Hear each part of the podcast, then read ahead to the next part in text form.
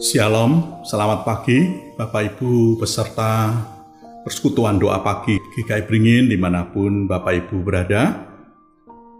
Senang kita berjumpa kembali melalui persekutuan secara online pada pagi ini.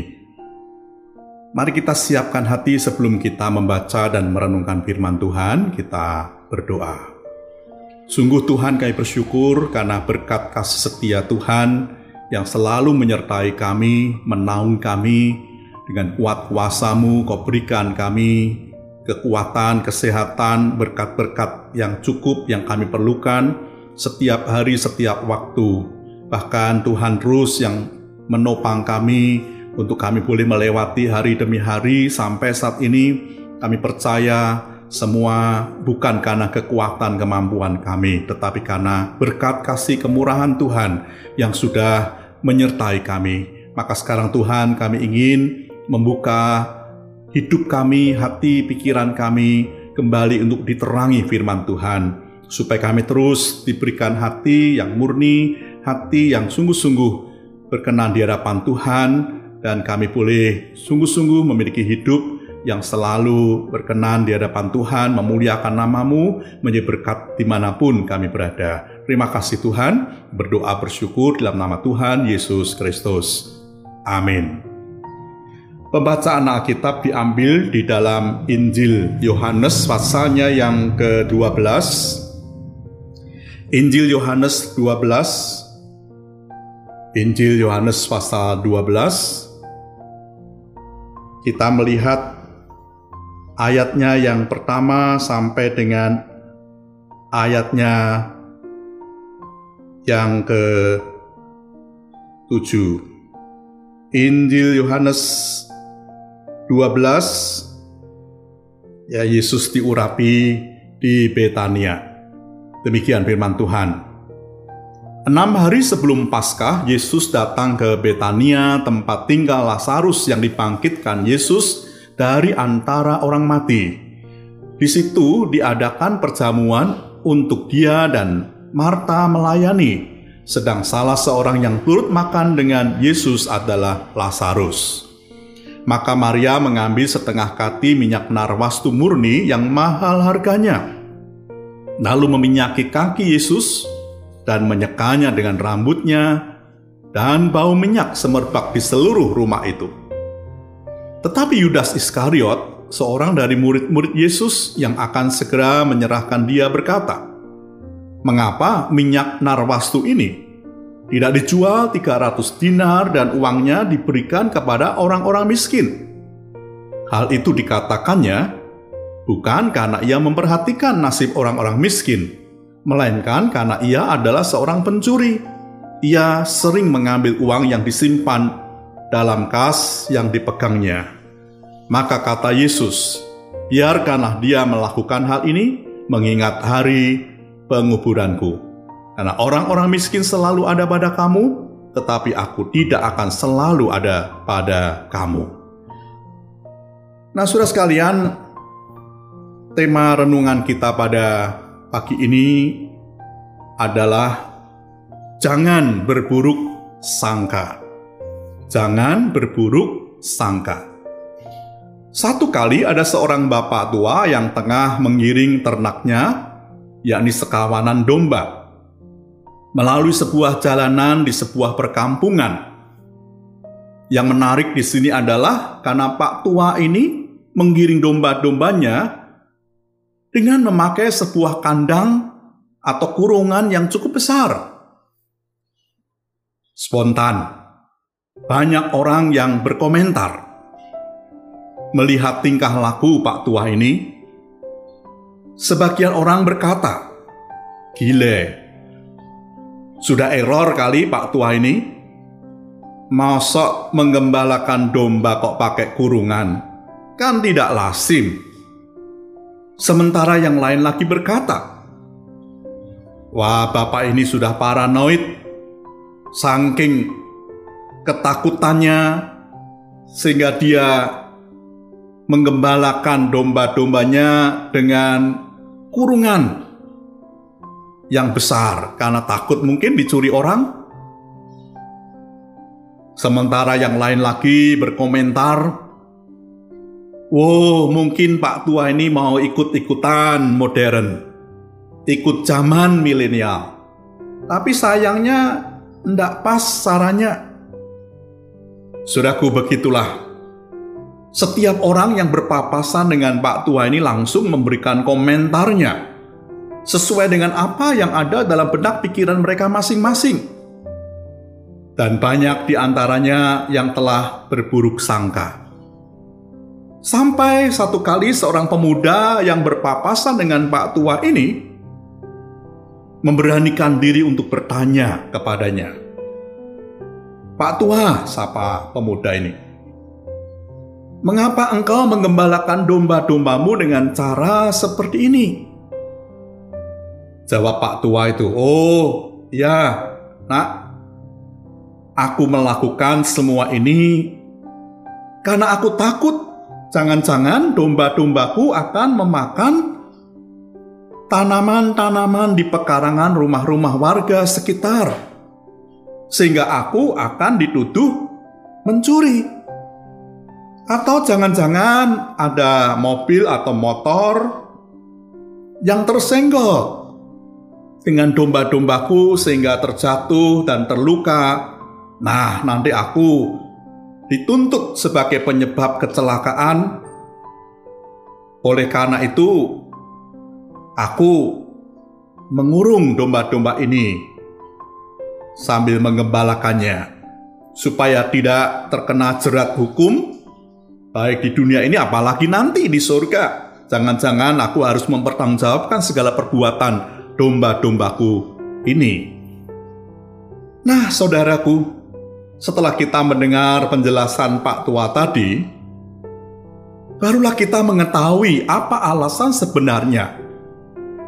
Mengapa Pak Tua itu mengembalakan domba-dombanya dengan sebuah kurungan yang besar. Namun kita sering kali terlanjur berburuk sangka kepada Pak Tua itu yang sesungguhnya memiliki itikat yang sangat baik. Ia tidak ingin merugikan atau membahayakan orang lain. Namun, seperti itulah. Banyak orang sering kali terlalu cepat memberikan penilaian-penilaian yang negatif atau menjat seseorang dengan kata-kata kalimat-kalimat yang mendiskreditkan yang dapat merugikan orang tersebut Bahkan ketika orang itu mungkin sedang mengerjakan atau berbuat sesuatu yang baik atau untuk kebaikan masyarakat, untuk kebaikan lingkungan, bahkan untuk kebaikan seseorang. Saudara, teringat kita akan bacaan firman Tuhan dalam Injil Yohanes 12 ayat 1 sampai dengan 8 yang kita baca tadi. Apa yang dilakukan oleh Maria adalah dalam rangka di mana ia ingin bersyukur atas apa yang telah dialami di dalam hidupnya, yakni kemurahan yang sudah Tuhan berikan kepadanya. Ia dilepaskan dari kuasa-kuasa jahat, ia beroleh pengampunan atas segala dosanya, ia melihat bagaimana saudaranya Lazarus pun telah bangkit atau dibangkitkan dari kematian. Ia ingin bersyukur, bukan hanya dengan mulut bibir. Seperti kebanyakan orang yang mengatakan, "Ya, terima kasih, oh terima kasih, terima kasih," namun hanya sebatas mulut bibir yang mengucapkan ucapan syukur atau terima kasih, tetapi tidak disertai dengan tindakan yang real. Maria dia melakukan semua itu karena dia ingin bukan hanya bersyukur dengan mulut bibir, tetapi dengan tindakan yang real, yang nyata, yaitu dengan mempersembahkan milik yang sangat berharga, yaitu minyak narwastu murni yang sangat mahal harganya yang dia miliki. Yang menurut tradisi sebenarnya dipersiapkan gadis-gadis di Israel untuk pada waktunya nanti mereka memasuki masa untuk pernikahan. minyak narwastu yang murni. Surah Marta, Maria melakukan semua itu karena ia sadar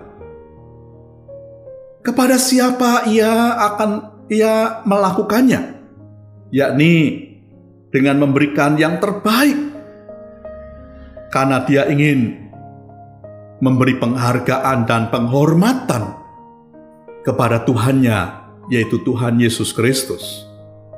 Jadi, apa yang dilakukan oleh Maria ini adalah sesuatu yang memiliki motivasi yang baik.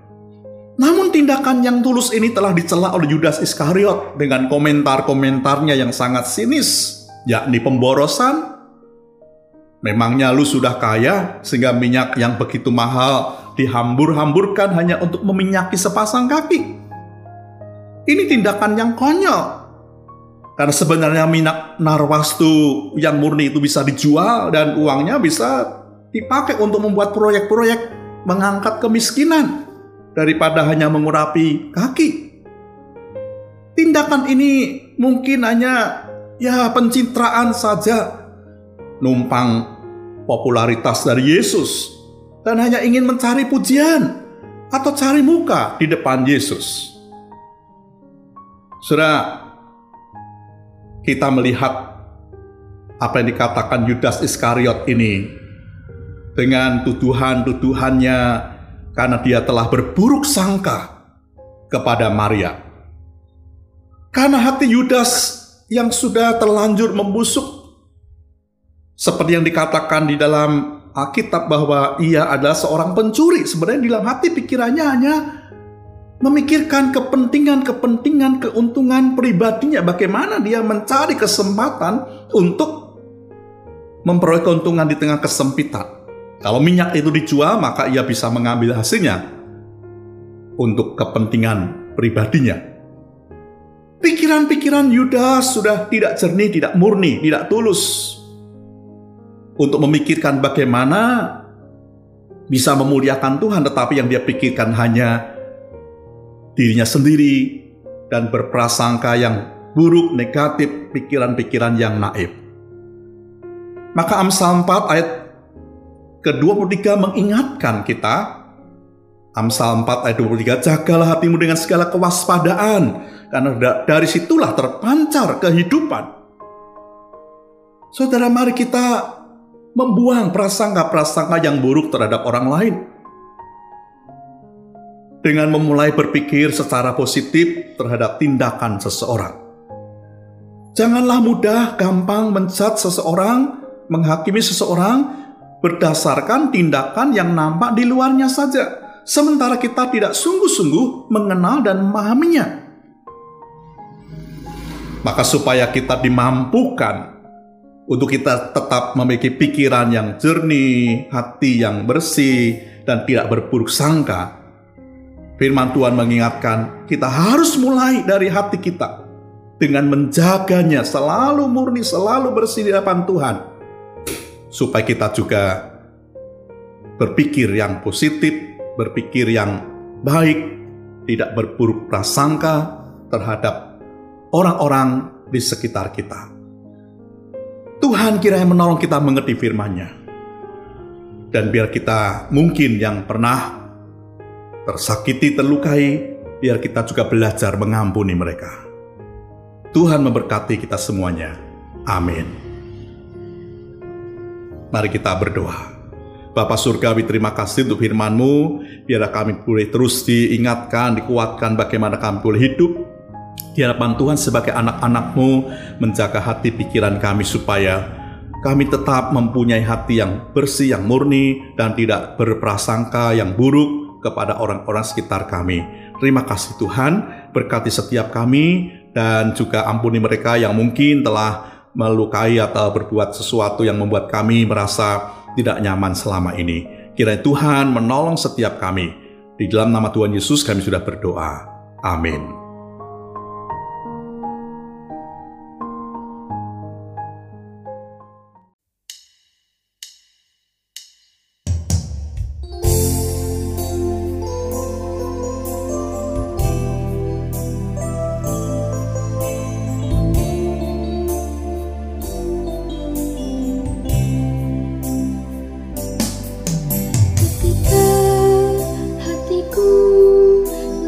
suck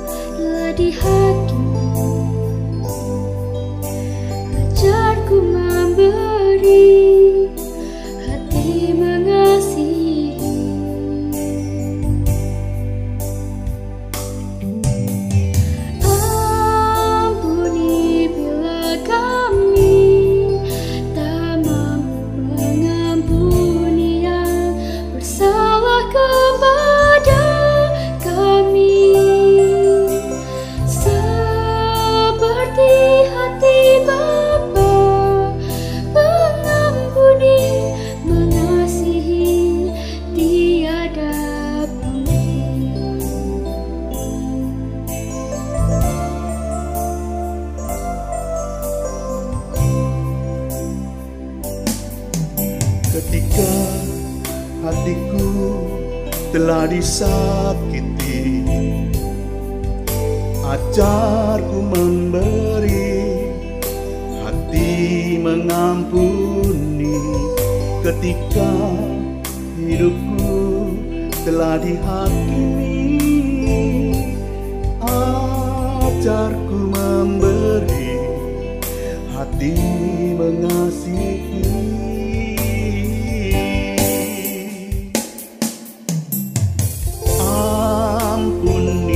bila kami tak mampu mengampuni yang bersalah kepada kami seperti hati Bapa mengampuni mengasihi